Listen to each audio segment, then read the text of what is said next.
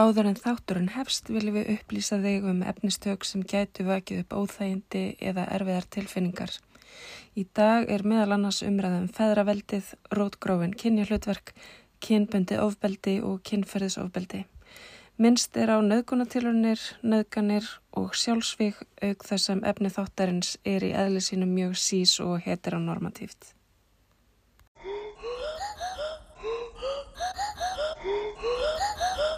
Hæ og velkomin í meðravildið. Þetta er fyrsti þátturinn okkar sem við ætlum að kalla Feminismi 101.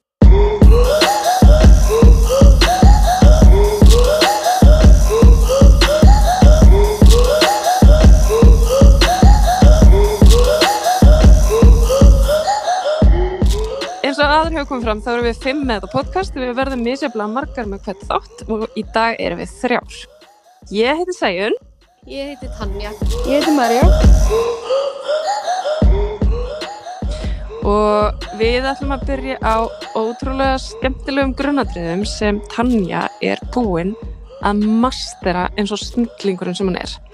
Tanja, hvað ætlar að fræða okkur um í dag? Jú, sko, ég ákvað að taka hérna smá umfyllun um feðraveldið og þá sem beint út frá því kynjaboksin. Mér langar að byrja bara á því að þú veist útskýra feðraveldið á auðveldan feminismi 101 hátt. Kallanir setja leikreglunar. Þeir stjórna samfélaginu og þeir hafa bara alls konar forréttindi á kostna allra hinna. Feðraveldi það er í öllum samfélagum og það er yfirleitt í grunninn eins bara að kallanir séu með valdið og núna ætla ég að tala bara út frá svona basic kon og kallasamböndum út af því að kallar, þú veist, feðraveldið gerir ráð fyrir þeim. Þau eru ekkert að gera ráð fyrir öllum hinnum. Það er bara konakall og helst bara straight samband. En feðraveldið það gefur köllunum bara ósérlátt valdið yfir konunum og það er bara á öllum sviðum samfélagsins. Það er inni á heimilinu, það er í vinnunni, það er í íþrótum, bara neymið. Það eru alltaf í ráðandi stöðu og fá forgang á kostna hvern. Þetta er samt ekkert bara, þú veist, út af þeir eru svo ógisla vondir eða eitthvað. Eða vilji hafa þetta svona. Bara, þú veist, til þess að vera með eitt svona not all men. Þetta er ósérlátt ekki alltaf samt, þetta er líka alveg með vilja, en þetta er svo normaliserað. Þetta er bara normið í samfélaginu. Kallanir þeir, þeir er ekkert alltaf að gera sér grein fyrir hvað fæðraldið er eða hvernig það er að virka, ekki Mhm. heldur við konunar við erum bara að framkvæma alls konar hegðun sem er að viðhalda þessu kerfi, þessu samfélagslega viðkenda kerfi. Þetta er, þetta er svona styðjandi kvenleiki við ráðandi karlmennskur. Konunar að gera það sem samfélagi segið þeim að gera og kallanir gera sem samfélagi segið þeim að gera Já, mér varst nefnilega fyrir sjálfa mig þegar ég var svona að gerast feminismi eða opna augun fyrir öllu þessu og ég fattaði raunin ekki hvað feðraveldið þýtti eða hvað það var fyrir en einhver sagði við mig þetta snýst ekki um karla, þetta snýst ekki um feður, heldur þetta valda kerfi sem að hríslast um allt samfélagið og alla mannlega hegðun. algjörlega. Ég held að það sé rosalega stort atriði sem að fólk miskilur af því að feðraveldi hljóma náttúrulega eins og eitthvað sem að segja sér sjálft en það gerir það náttúrulega ég veit það, þú veist, það er alltaf bara nei, býtu, pappar er ekki vondir, bara nei þetta, þetta er ekki um pappa. Þú veist, Mm. þess að það var þú veist, það var einhverju sem vildi kalla þetta kynjakerfi, en fólk er bara ekki sammála, þannig að ég persónulega kýsa að kalla þetta feðraveldi, mér finnst það meira svona bam, Já, líka því að sko kynjakerfi, mér finnst það alveg rétt á sér sem hugtak en mér finnst ekki sama merkingin í því og í feðraveldi af því að feðraveldið fylur í sér þessa kerfislega mismunum sem að hefur ekkit endilega með einstaklinga eða kyna að gera, heldur bara aldalangar hefðir og aldalangar hugmyndir sem að við gerum okkur ekki einu svona grein fyrir að við erum búin að innræta sjálfum okkur að öðrum. ég veit það er nefnilega, þess vegna finnst mér feðraveldi vera meira svona hugtakið yfir þetta Mér finnst kynjakerfi vera meira eins og bara kynjaboksin sem ég er að fara að tala um eftir. En ef ég held áfram með feðröldu þá er það bara rosalega eitrað kerfi og það sprettur alls konar svona ógeðsleg, viðbjörsleg og hættuleg hegðun sem hefur verið bara samþygt í áratugi. Og þetta er hegðun eins og kynferðslega áreitni, kynbundi ofbeldi og þeir eru örgulega með einhver fleiri dæmi sem þið getur nefnt. En sem betur fer með hreyfingum eins og MeToo, það er svo mikið snill hvað konur hafa verið að gera. Veist, allar þessar flottu byltingar höfum haft, uh, me too bara neymi, mér finnst það svo flott. Beauty tips, já, beauty tips, bara Mhm. shout out á beauty tips. Elska þær. við höfum verið að opna á þess að tabu hluti með þessum byltingum og mér finnst það persónulega að vera að koma okkur áfram. Mér finnst þessar byltingar hafa hjálpað okkur rosalega mikið. Já, mér finnst það líka að hafa va- vakið mig og vinkonum mínar til umhugsunar.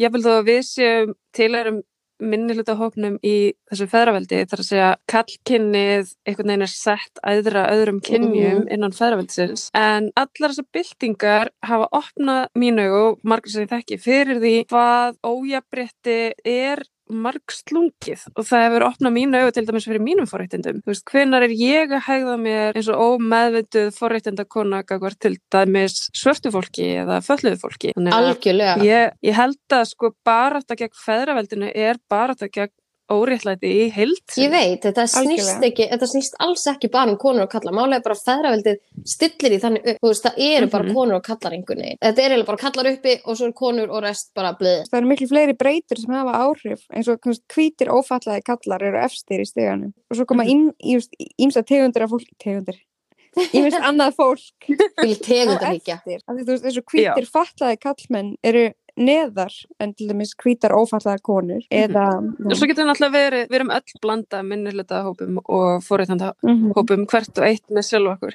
Þannig að þú veist, á einhverju sviði lífsins er ég með forréttindi á einstakling sem hefur síðan tilbaka forréttindi á mig að Einmitt. leiti. Þannig að, en ég er svona velta fyrir mér af því að feðraveldi og þegar að, til dæmis ég byrja að tala um feðraveldi við fólk sem hefur ekki mikið pælt í þessu, þá hljóma ég pínulítið eins og ég sé eitthvað svona samsæriskenninga brjála einhver.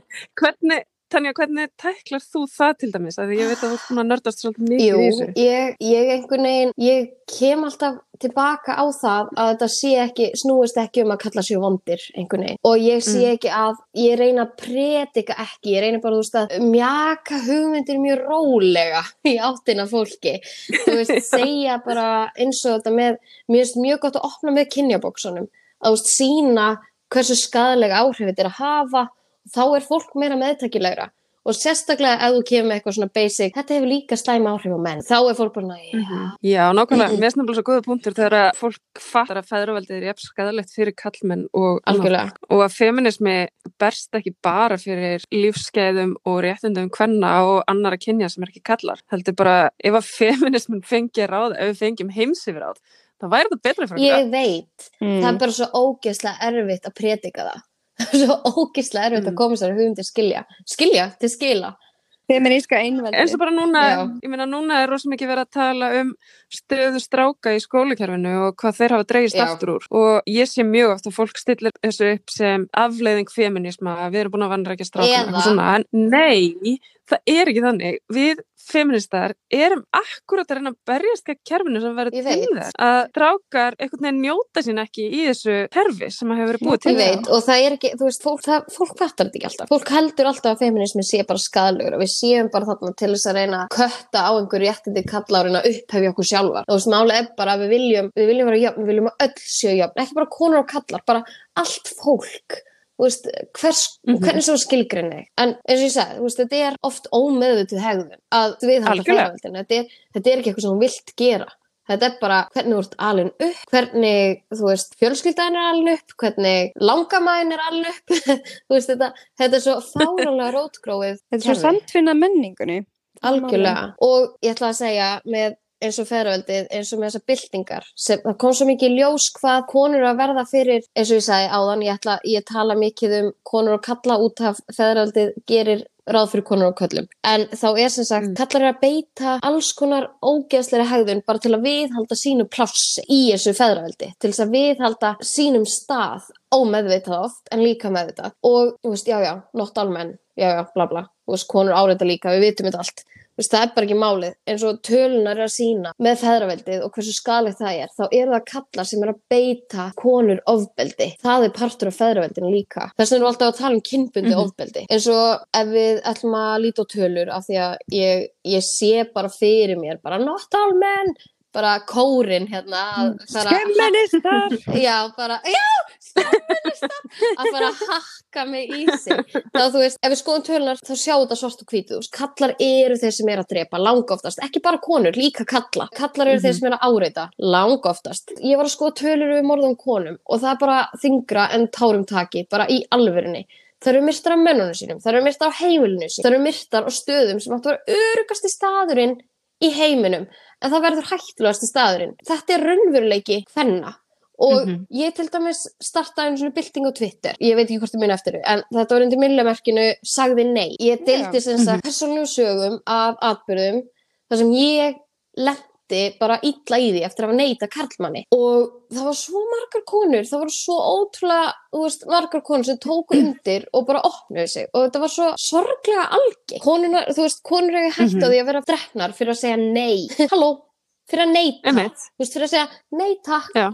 Eins og, eins og með mig, það var eldri maður sem aðstöða mig við að komast inn og skemmtist það ég var samt ekki um aldur, var í röð með vinkurum minni, við blittum okkur upp eins og gengur gerist og einhver eldri maður bara, herðu, ég hjálpa þér að komast inn. Og ég bara, vá, ok, snilt en eftir að ég var komin inn, þá sagði hann herðu, þú skuldar mér. Og ég bara, nei, hvað meinar þú þú bauðst til þess að aðstöða mig. Og ég sagði nei, en hann dregur minna klósett og reynar að nauðga mér.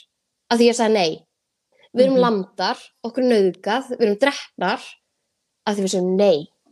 Og þetta, Mhm. já, Róknað, ógnað. ógnað og hótað. Þetta já, er já. tilætluna sem er karla, sem er stór partur af feðraveldinu.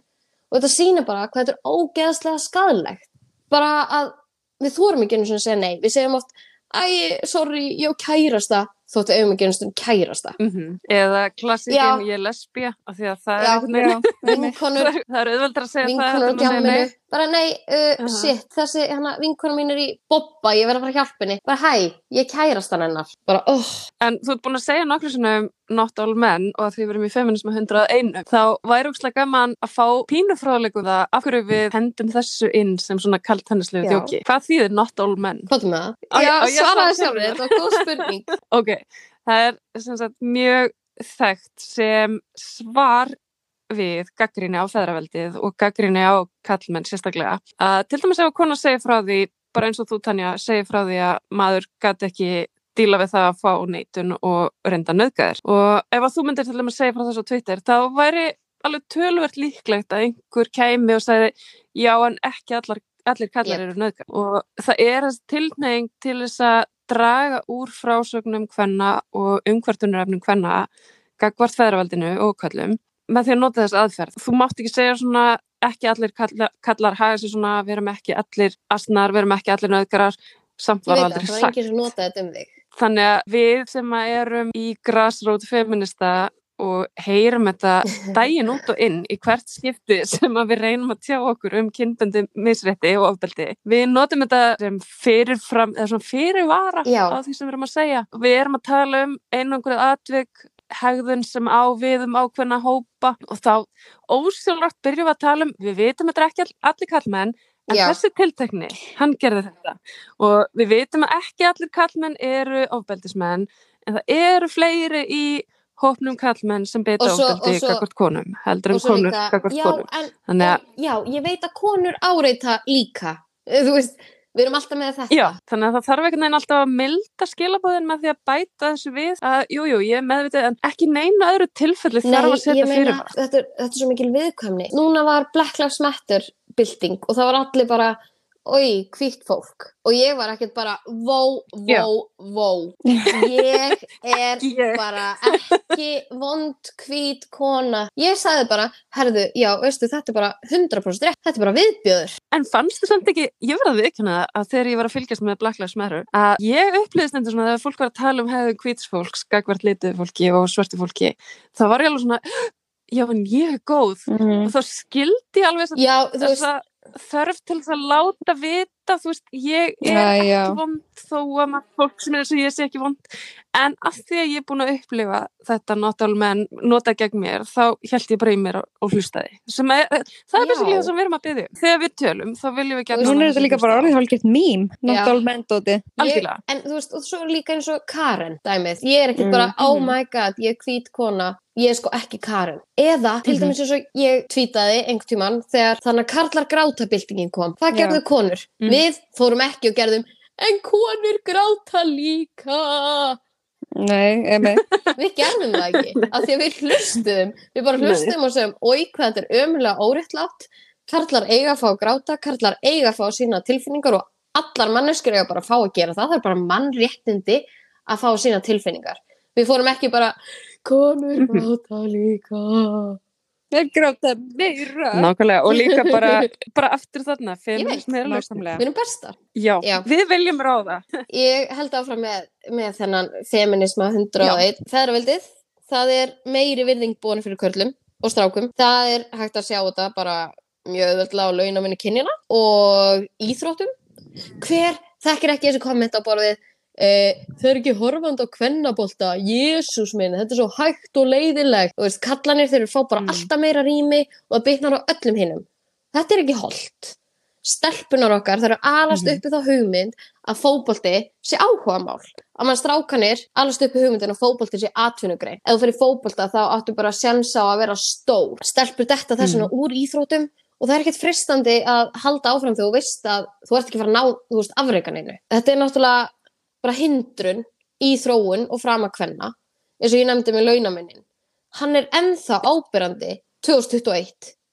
Halló, Til dæmis í fótboltanum. í fótbolta. Örgulega Þetta er svo í fótboltanum. bara hva, hvernig var með verðlauna afhendingun einhverjum fótboltamóti hvað var það í Vestmanneum eða hvað ég manna ekki, sorry Örglega. þar sem Ok, strákanir nei, strákanir, klippaðu já, strákanir fengu risa byggar bara wow, praise the Lord Jesus og stelpunum bara, já, og stelpunum bara svona vel gert, flott Svona ykkur okkur pón svona, þið tókuð þátt. já, Bikar. já, Mhm. bara svona, nei halló, þetta, þetta er feðraveldi það, það er svona Sjálfsögðu. þetta er, þetta er náttúrulega svo stór partur af feðraveldinu sem er svo ógeðslega ábyrjandi eins og varst að nefna og sem við getum svo auðveldlega unnið gegn með að tala um, með að benda á og með að gefa jafn stóran byggar. Ég meina, hver, hv- hvar í ferlinu var enginn sem bara, herðu, er þetta ekki pínu ósangjart? Var bara svona, já, nei, þetta er geggjart. Þetta er mjög Nei, skrítið. en eins skil og ég það. sagði, þetta er hindrun í þróun og frama hvenna og launamunurinn, konur er að vinna bara eins og skeppnur í 100% vinnu, fá samt læri laun og eru háðar maka sínum. Þeir taka frí, frekar en kallanir, til að sinna veikum börnum eða erindast, eins og þú veist í læknatímana, fyrir krakkana og allt þetta. Og að því að það er betra að missa tekjunar hennar heldur en tekjunar hans. Það er betra að hún taki alla þessa auka ábyrð á sig og fórni sínum frama í vinnunni, taki fleiri veikindadaga, allt þetta, af því að það er betra að hennar laun köttist heldur en hans. Og þetta veldur líka því að konur í ofbildisamböndum, það eru erfiðar með að koma sér út af því að það eru svo fjárhagslega háðar makanu sínum. Og Já, fjárhagslegt ofbeldi er náttúrulega stort vandamál. já, bara mjög stórt. þekkt. Svo eru kvennastörfin bara með til lægra en þessi típisku karlastörf. Við fá, þú veist, konur í típisku karlastarfi fá samt læri laun en kallar í sama starfi og kall í típisku kvennastarfi fær samt hærri laun en kona í sama starfi. Þú veist, Það er einmitt mikil umræðið um þetta núna Mhm. að, hérna, að kallar sem eru með grunnskólapróf eru samt með herri tekjur eða jafn mikla tekjur og konur með háskólapróf. já, hvernig var þetta? Voru þið búin að taka eftir þessu? Já, það var, það var einhver sem bent á það að karl með bachelorgráðu fær sömu laun eða hærri laun en kona með doktorspróf. Emmett. bara halló, doktor eitthvað er með læri laun en lulli með félagsfræðagráðuna sína. Og það versta er að þetta kemur ekki eins og óvart. Nei. Þetta er ekki eins og sjokkarandi. Nei, Af því að kona vissi þetta alveg áður hún heyrði þetta, ég veit. skilur Það er bara, það er einhvern veginn kvarlaði ekki að henni. Nei. Já. Og á sama tíma og þær eru í fullri vinnu, þá eru þær líka að sjá um heimilið og börnin og þá mér langar að nefna þetta mental load. Á sama tíma og konur eru í fullri vinnu með læri laun, eru það líka að sjá 80% með heimilið og börnin. Marga meira en 80%, sumar sem beður fyrir minna, en mér langaði bara þá að nefna þessum verkaskiptingu heimilisins, af því að það er líka stór partur af feðraveldinu. Það er þetta mental load, þetta er svo ójæmt. Konur þarf að bera ábyrgð á öllu sem við kemur heimilinu. Það er um umsjónina. Veist, Þetta er alið uppið þeim líka. þetta er alveg upp í þeim. Bæði, þú veist, að konur alast upp í það að þær eigi að gera þetta og kallar alast upp í það að konur eigi að gera þetta. Og þetta gerist aðalega í straight samböndum, konakall. Þetta er ekki algilt, en þetta er mjög algengt, bara of algengt. Allir þessi litlu hlutir, eins og hver ákvör er í matinn, hver sér um að fylgjast með hvernig lækna tími barnana er, hver sér um að börnin eigi föt réttir stærð, eða bara hrein föt yfir höfuð, hver skiptur út fötunum í fataskapi barnana og oft í fattaskapi makans líka þú veist, hvað er hitt og þetta geimt á heimilinu allir þessir litlu hlutir innan gæðsalapa sem eru síðan bara sapnast og sapnast og sapnast upp og verða konunni ofviða. Það er ekki hægt að ættast til þess að kona sinni 100% vinnu og allt mentalóti lenda á henni líka, fattiði mig. Svo líka með þrif. Konan þarf að búa til þrifplan og framfylgja því og svo þarf hann að passa og minna makan á að þrýfa. Segja hann um hvað hann á að þrýfa og hvenar. Þetta er, þetta er ógeðslega leiðilegur partur af feðraveldinu. Þetta mentalót, ég bara, ég þólit ekki. Þannig erum við að sjá að kona er í 180% vinnu með þetta, með heimili börnin vinnu, en er samt með læri laun. Í bílast, stelpur í bílast. Við erum líka búin að sjá rosalega mörg dæmi um það, sérstaklega núna undanfarið. Ég veit ekki hvort það er eitthvað COVID-tengt eða hvort ég tek mér eftir því að konur að leita inn í hvernahópa á Facebook með nafnlausar fyrirspurnir þess að þeir eru með að lýsa svona aðstæðum. Bara síðast í gær held ég þá var konu að tala um að hún er með fimm börn og hún er í fullu starfi og fullu námi og hún þarf að hugsa um börnina því maðurinn hennar vinnur svo mikið og hún er að Og bugast og, eldar veit og ekki hvort hún getur að halda áfram í skóla. Hæliði í Ég er þessu. náttúrulega á því Já. að þetta sé meir en 80% vinna sko. Þetta er, þetta er meira en Að 100% þrífa- vinna. Að þrýfa heimilið, að þú þvott, að elda mat og kaupa inn og hugsa um börn, en þetta er 250% vinna. Við- Bara þetta. Fimm börn, hugsa um ertu í fimm börn, 100% bara það er ofan á full og vinna. sko. 100% námi. Þetta er bara, Sko, ég ætla bara, þetta er brjálaði. ég elska börnum mín og heimili mitt og allt þetta, en ég ætla að viðurkenna að það fyrir mér að fara í vinnu, það er svo frí. Mér finnst að komast Mm. frá þessu vera frí. Þú ert alltaf aðgengileg, þú ert alltaf veginn, þú getur aldrei andað. Bara, þú veist, eins og ég rætti bara við ömmu mína, að það að vera heimavinnandi húsmóðir eða vera út á vinnumarkaði, það er meiri vinna að vera heimavinnandi, heimavinnandi húsmóðir. Þetta er svo Algjörlega. áreiti á allt. Þetta er áreiti á, þú veist, líkamæðin, á andlegu hliðina. Ef ég heyri eitt en mamma, þá tjúllast ég. E, kallar eru viðmið í, sam, í samfélaginu. Þú veist, það er aldrei snýst um það að kallarni séu viðmið og konuna séu frávikið. Ég get fært rauk fyrir þessu, í alvegni. Ég, ég er með heimildir stelpur. Uh, en ég mæl líka með því Google Já. þetta, af því að þetta er ógislega áhugavert. En eins og bílbelti. Þau eru hönnuð með öryggi meðalstórs karlmanns í huga. Þess vegna eru konur líklegri til að láta lífið í bílslýsum en karlar. Af því að þegar það lendi í bílslýsum, sem er sjaldan en kallar, en þegar þær lendi í bílslýsum, þá slasast þær alvarlegra. Þær, þær verða fyrir alvarlegri áverkum. Af því að bílar eru no joke örugari fyrir kalla. Af því að þeir eru hannaðar með þá huga.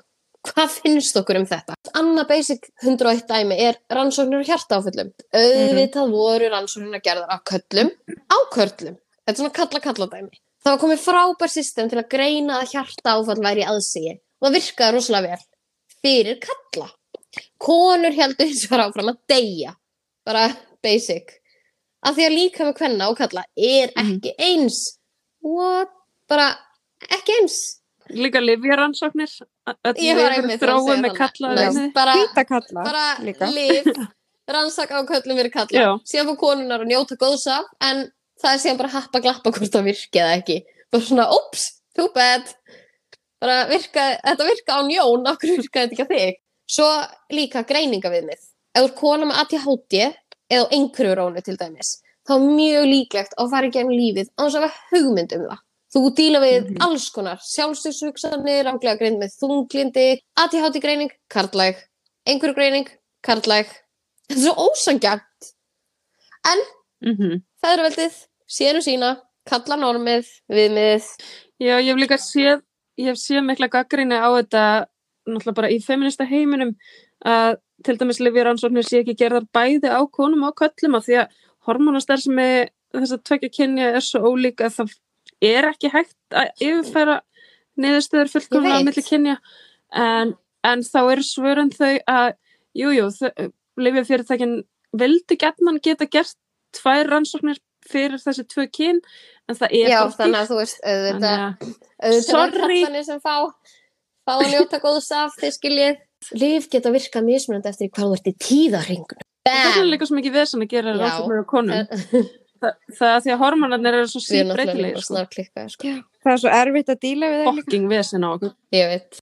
Algjört, við erum alltaf bara tuða með leiðin. Bara skemma og eiðilegja allt. Skemministar. Nákvæmlega. Mér langar líka að ræða kynjabóksin. Af því að þau spretta náttúrulega út frá feðraveldinu þetta helst bara í hendur og ég gleymi því einhvern veginn aldrei þegar Hanna Björg kennar í Borgó, kynnti mig bara fyrir þessu ég byrjaði í kynjafræðafanga og var bara minnsti feminist í heimi. Ég var bara uh, feministur og ömulegir og loðnir og eitthvað hérna bara wow, ég er einn á strákunum.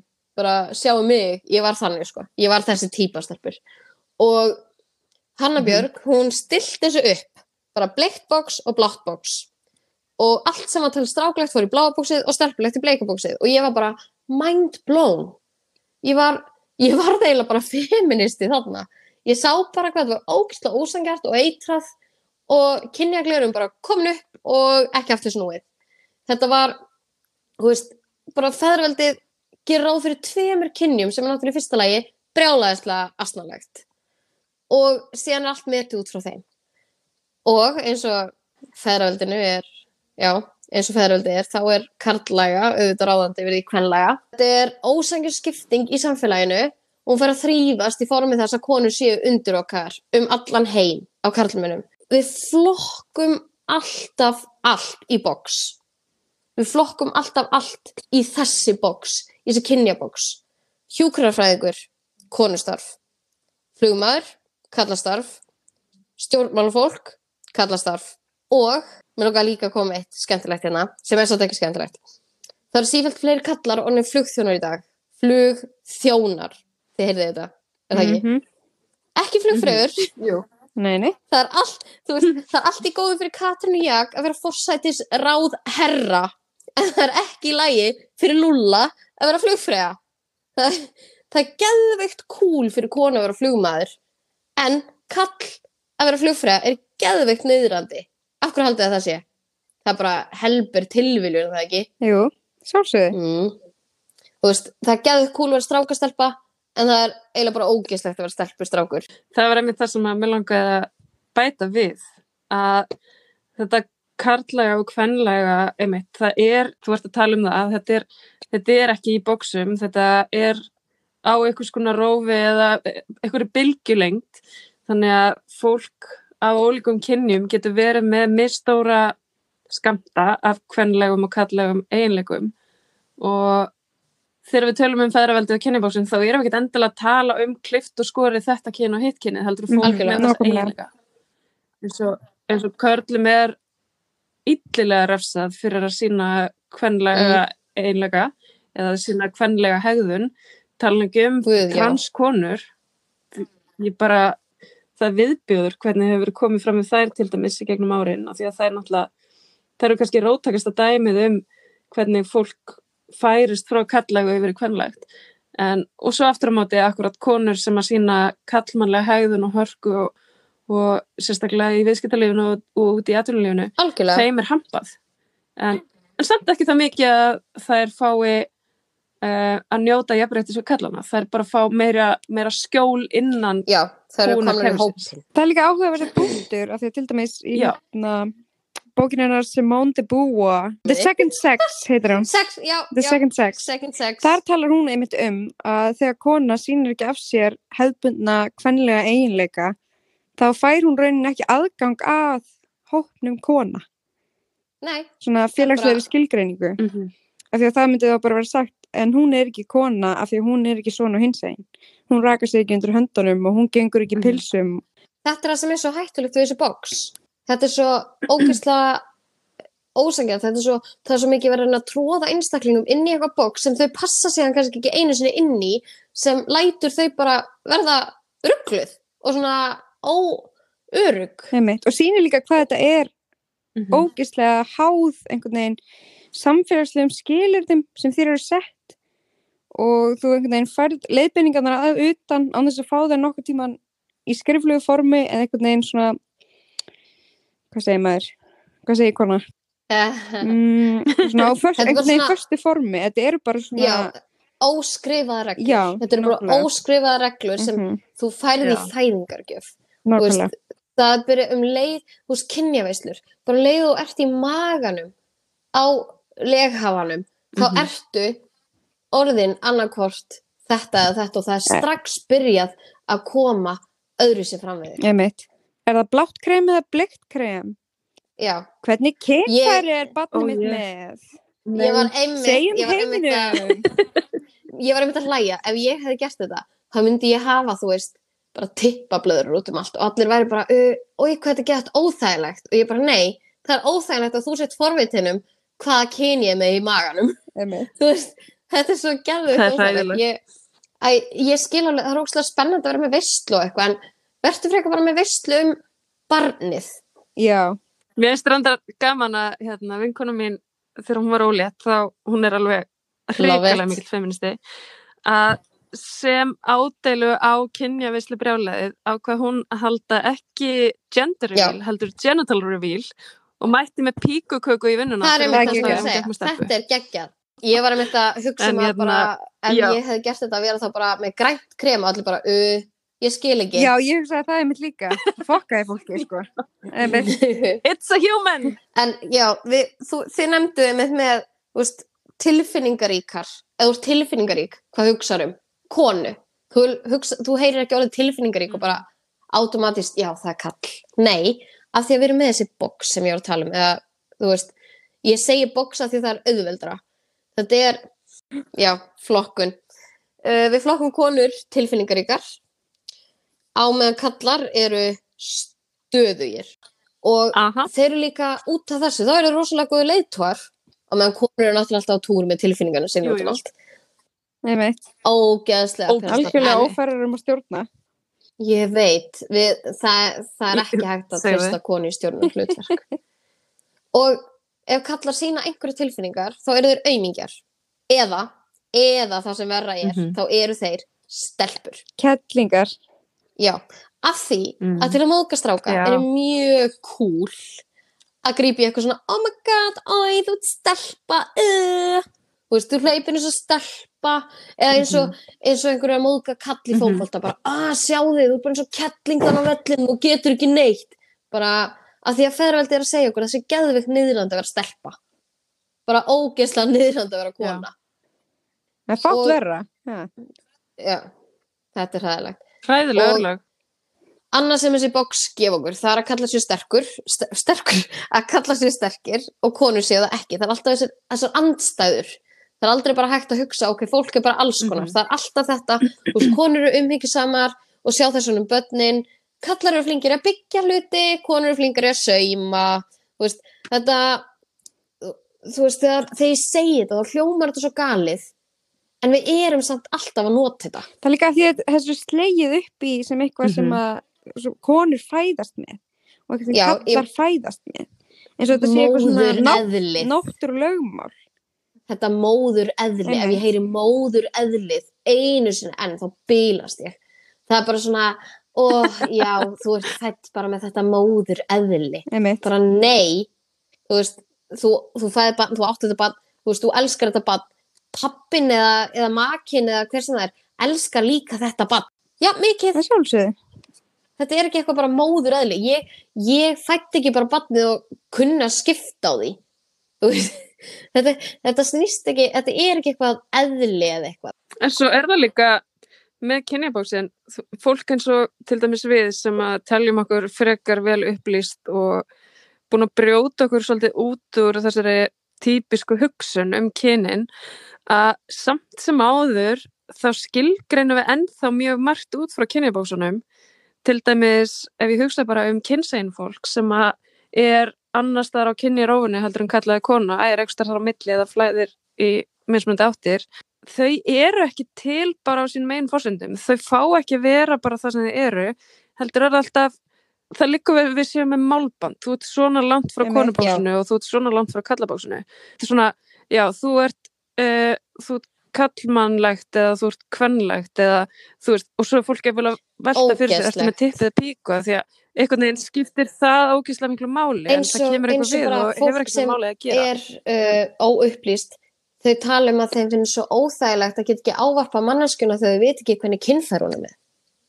Bara ha, mm þetta er eitthvað sem meikar ekki sens þetta er svo mikið í undir meðvitundin okkar. Nefnilega, það er það. Mjög. að losa sig frá það tekur, það tekur vinnu sko.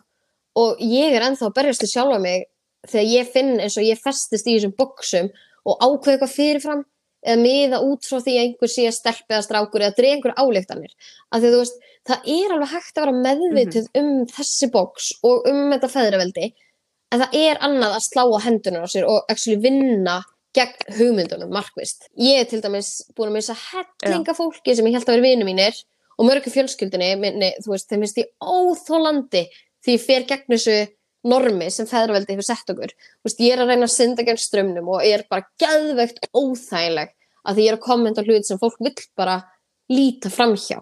Málega bara við þurfum að gera þetta, við þurfum að vera duglegri að þessu. Það er ekki bara hægt að vera meðvitu. Af því að ef við bara erum meðvitu Mhm. og gerum ekki neitt, þá heldur þetta bara áfram að vera svo. Þú veist, mér finnst ömurlegt að af því að við erum með þessi típisku boks út frá feðraveldinu, að fólk sem finnur sig ekki í þessum boksum, þau eru bara útskúfuð. Mér finnst það bara ógisla veist, við sem einstaklingar, við fyrum alltaf tilbaka í þessu bóks til að aðtuga einhvern veginn hvort að við séum að hegða okkur rétt, hvort hegðunum okkar sé samfélagslega samþygt út frá bóksunum okkar. Erum við ekki að gera rétt með að við í hvaða bóks við erum? Mm Mhm. Þú veist, ég kona, þá ég verið í þessu bleikabóksi og svo ger ég eitthvað og þá hugsa ég, byttu, byttu, byttu, átti ég ekki örgulega að gera svona. Hvað ætli þetta hafi Ég- verið lengi Þetta svona? Náttúrulega- kemur þetta þetta í rauninni? dæmis upphafi? bara með kynjuhlutverkin inn á heimilin bara konan var húsmóðurinn og kallinn var útvinnandi þaðan kemur náttúrulega mikið þar verður þessi skipting svo sterk konan er náttúrulega, það var bara Mm. basic að konan fætti batni og þá átti hún bara að vera með batni af því að móðuræðlið og þá er svo mikil skipting Það er náttúrulega líka bara kenningar um það að þegar fólk hafði ekki verjur og þannig þá var svo ótrúlega mikil tími sem var tekin af konum í það að vera ólittar að fæða batn og hafa batn á brjósti Na, og það er alveg til bara, já, mjög ítalega kenningar um þetta sko, og þetta er mikið rætt í mannfræðinu til dæmis.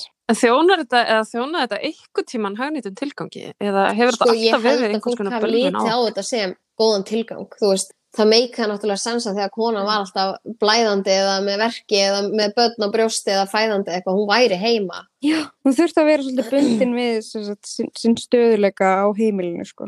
já, á meðan, þú veist, þá meika sensa að, Mm. að tekjunar kæmi frá kallinu sem færi út Já, eða kallinn fór og safnaði í matinn, skilur já, fór og náði epli í tréð tjúk, Já, já, nokkulega. og náði, ok, veit ég ætla að vera meira íslensk, fór og gróð Já. upp kartöflunar úr garðinum en eins og vorum að nefna með þau sem skilgræna sig hvorki sem kallin í konu það er svo ljótt að sjá hvernig við komum fram við þau bara út af því að okkur finnst þau ekki vera nógu mikið svona eða hins einn. Það er líka svo lýsandi fyrir hvað við erum í rauninni Mhm. stutt komin. Ég veit, okkur finnst við alltaf vera komin svo langt og oh, af hverju þarf þetta að vera með þessar hugmyndið, þú veist, það er löngu búið að ná jafnrétti. Það er ekki ja, á feminisma lengur. Já, bara tanja, það er alltaf bara svona tanja þegju, jafnrétti náð, bara nei, Einmitt. nei, nei, nei, Þegið, Tanja. já, þegju. Við erum líka, við erum að ala bönnin okkar mjög ómeðvitað upp í þessu bóks. Eins og þú nefndir áðan, Sæjun, með skólakerfið og allt þetta. Veist, við erum samt að gera meiri kröfur á dætur okkar. Við erum, veist, krafan á strákana, þeir, er, þeir eru minni. Svo erum við bara gett hissa á þeim gangi verið í skólanum. Hvernig gerum við Þeir minni þurfa ekki að sitja kjurrir. Þú veist, ok, þeir eru Mm. eitthvað yði og við erum bara svona, æ, kjurrir? Jón, þú veist, hans að róa sig, sko. Svo kemur, svo er hérna hún Karen og hún er bara Mm. að tala við vinkonu sem það er bara, Karen, þú veist, þú þarft að umbytta þér. Bara, ó, ó, ok. Þú veist, stelpur, Mm. það eru degjur kvíð og vanlíðan út af allt og mikill pressu. Mm En strákarnir á meðan, þeir fá að gera svona freka mikið eins og þeir vilja. Og svo bara, jæja, af hverju er hann illa undirbúin fyrir áframhaldandi nám? Hmm, ég skil ekkert. Þetta kom alveg aftan að mér. Já, þú veist, við erum alltaf með þessa auka pressu á stelpunar, þú veist, vertu kurteis, ekki of hávær, við sussum á þær, vertu, vertu meira svona og vertu meira hinsegin, að meðan strákanir þeir fá miklu meira svigrum. Þannig getum við farið út í mikla ádeilu á Já. kennsluhætti yfir hug. Já, en, já, það var ekki það- gert í betri tíma. sko. að Einhver doktor í það, einhver, einhver Við- hvernig Já. doktor. það er geðveikt mikið sem fellur í þessu bóks og mér langar að tala um allt en í alvörunni, mér langar að hvetja bara ykkur sem er að hlusta til að googla af því að þetta er svo miklu starra vandamál en þið gerir ykkur grein fyrir. Ég þarf að veðja að þið hafi ekki pælt í helmingnum af hlutunum sem komið upp þegar googlið. Eða, eða lesið rítgerðina mína. halló, góð rítgerð í alvegurinn, bíða rítgerð mér var geggja góð ég fekk alveg nýju eða eitthvað Það er gott að vita af henni. Er hún ekki á skemmunni? Jú, hún er á skemmunni, Á skemmunni, krakka mínir. Tanja Ísfjörð á skemmunni takk fyrir Check it out. já, og tegið sig út í alla kýma samfélagsins. Það er feðraveldið og það eru kynjabóksin. Og, Og- það er líka grunnurinn af öllu sem við erum að fara að tala um í rauninni. Algjörlega, Bara það sem eftir er á podcastinu. já. Er þessi pæling, sko. Og veist, Að eilífu. feðraveldið nær að viðhalda valdamísam í kynjina. Meðal annars í formi kynhlutverka sem eru bleik og blá bóksin. Og það að kallar, þeir eru ekki bara herra en konur, þeir eru miklu herra en fólk sem telur sig kynsegin eða ekki telur sig, fólk sem er kynsegin. Þetta er Mhm. þetta gerir engum gott. Engum, má ég nefna eitt? Já, heldur mér betur. langar bara svona að róa alla reyðukallana sem eru, þú veist, þeir eru pottið þann úti bara eitthvað, heiðu Tanja þú veist ekki neitt, með okkur? Ég vona, ég vona þessi að hlusta en þá, það er ekki bara konur sem eru að tapa á þessu á feðraveldinu það eru, þú veist, sjálfsmóstíðni það er, þú veist, hún er há af því að þeir megi ekki tjá tilfinningar sínar. Af því að ef þú ert að tjá tilfinningar þínar þá ertu basically orðin kona eða ekki, já, og ert aumingi.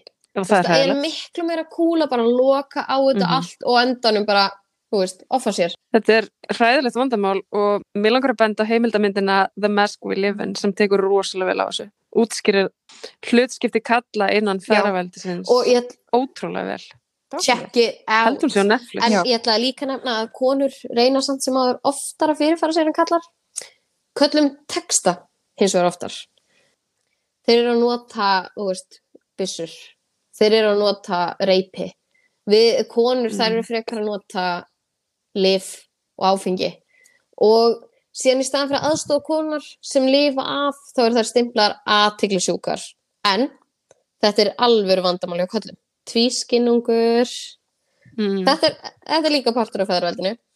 Og ég skil Mjög. ekki hvernig fólk sér þetta ekki Þú veist, ég er búin að nefna 130 dæmi sem sína hvað þetta er ógeðslega slæmt ekki bara fyrir konu, líka kalla og Mhm. þegar kallar eru þvingar í þetta kallabóks og niðurlæðir fyrir að fara út fyrir það þá er það hættulegt og skila sér í dauða eða alls konar hegðun sem er hættuleg þeim eða öðrum. Fólk á bara að fá að vera Mhm. eins og það vill óháð einhverjum stöðlum, úreltum normum, finnst mér. Þótt þú fæðist með tippið og þarft ekki að vera góður í að smiða hús. Já, þú fæðist með, fæðist með píku og þarft ekki að kunna sauma. Nei. Og líka bara þó þú fæðist með tippið þá já. þarftu ekki sért veist, kona. fögnum bara fjölbreytileikanum. Það er Mhm. enginn að græða á þessu rugli. Vert eins og ert og já, þú veist, það er til miklu meira en bara kalla kona. Við erum bara alls konar og við meigum vera alls konar. Ok? Ég beð ekki meira. Þetta er stórkostlegt. Ég hlaka til þess að fræða Já. fólk miljónsunum meira heldur en þetta og ég hlaka líka ógeðslega mikið til að fara í, að, í djúpi í feminismanum og taka róttæka langa þætti með einhverju djúsi og því. Ég viðmælandi. var bara að, veist, þetta var bara tip of the iceberg. Ég var bókstæðlega bara efst á ísjakanum. Ég vil þakka hlustendum fyrir að fylgja okkur í gegnum þennan fyrsta þátt sem er Feminismi 101. Það koma fleiri slíkir þættir innan um lengri og rótækari, dýpri feminisman þætti af ymsum toga. Ég vil hvetja ykkur til þess að fylgjast með okkur á Facebook og Instagram og endilega farið inn á streymisveituna sem þið eru að nota og smellið á subscribe þannig að þið fáið alltaf ámenningar þegar við sendum út nýja þætti. Síðan er ótrúlega sniðugt atriði á maðuraveldi.is þar sem þið getið valið að senda okkur hljóðklippu og þannig getið þið komið til okkar ábendingum, endurgjöf, spurningum eða hugmyndum og það er aldrei að vita um að við spilum skemmtilegar hljóðklippur í framtíðar þáttum og ég vil svörum spurningum með þeim hætti. En þá getur næst, við við að helsa.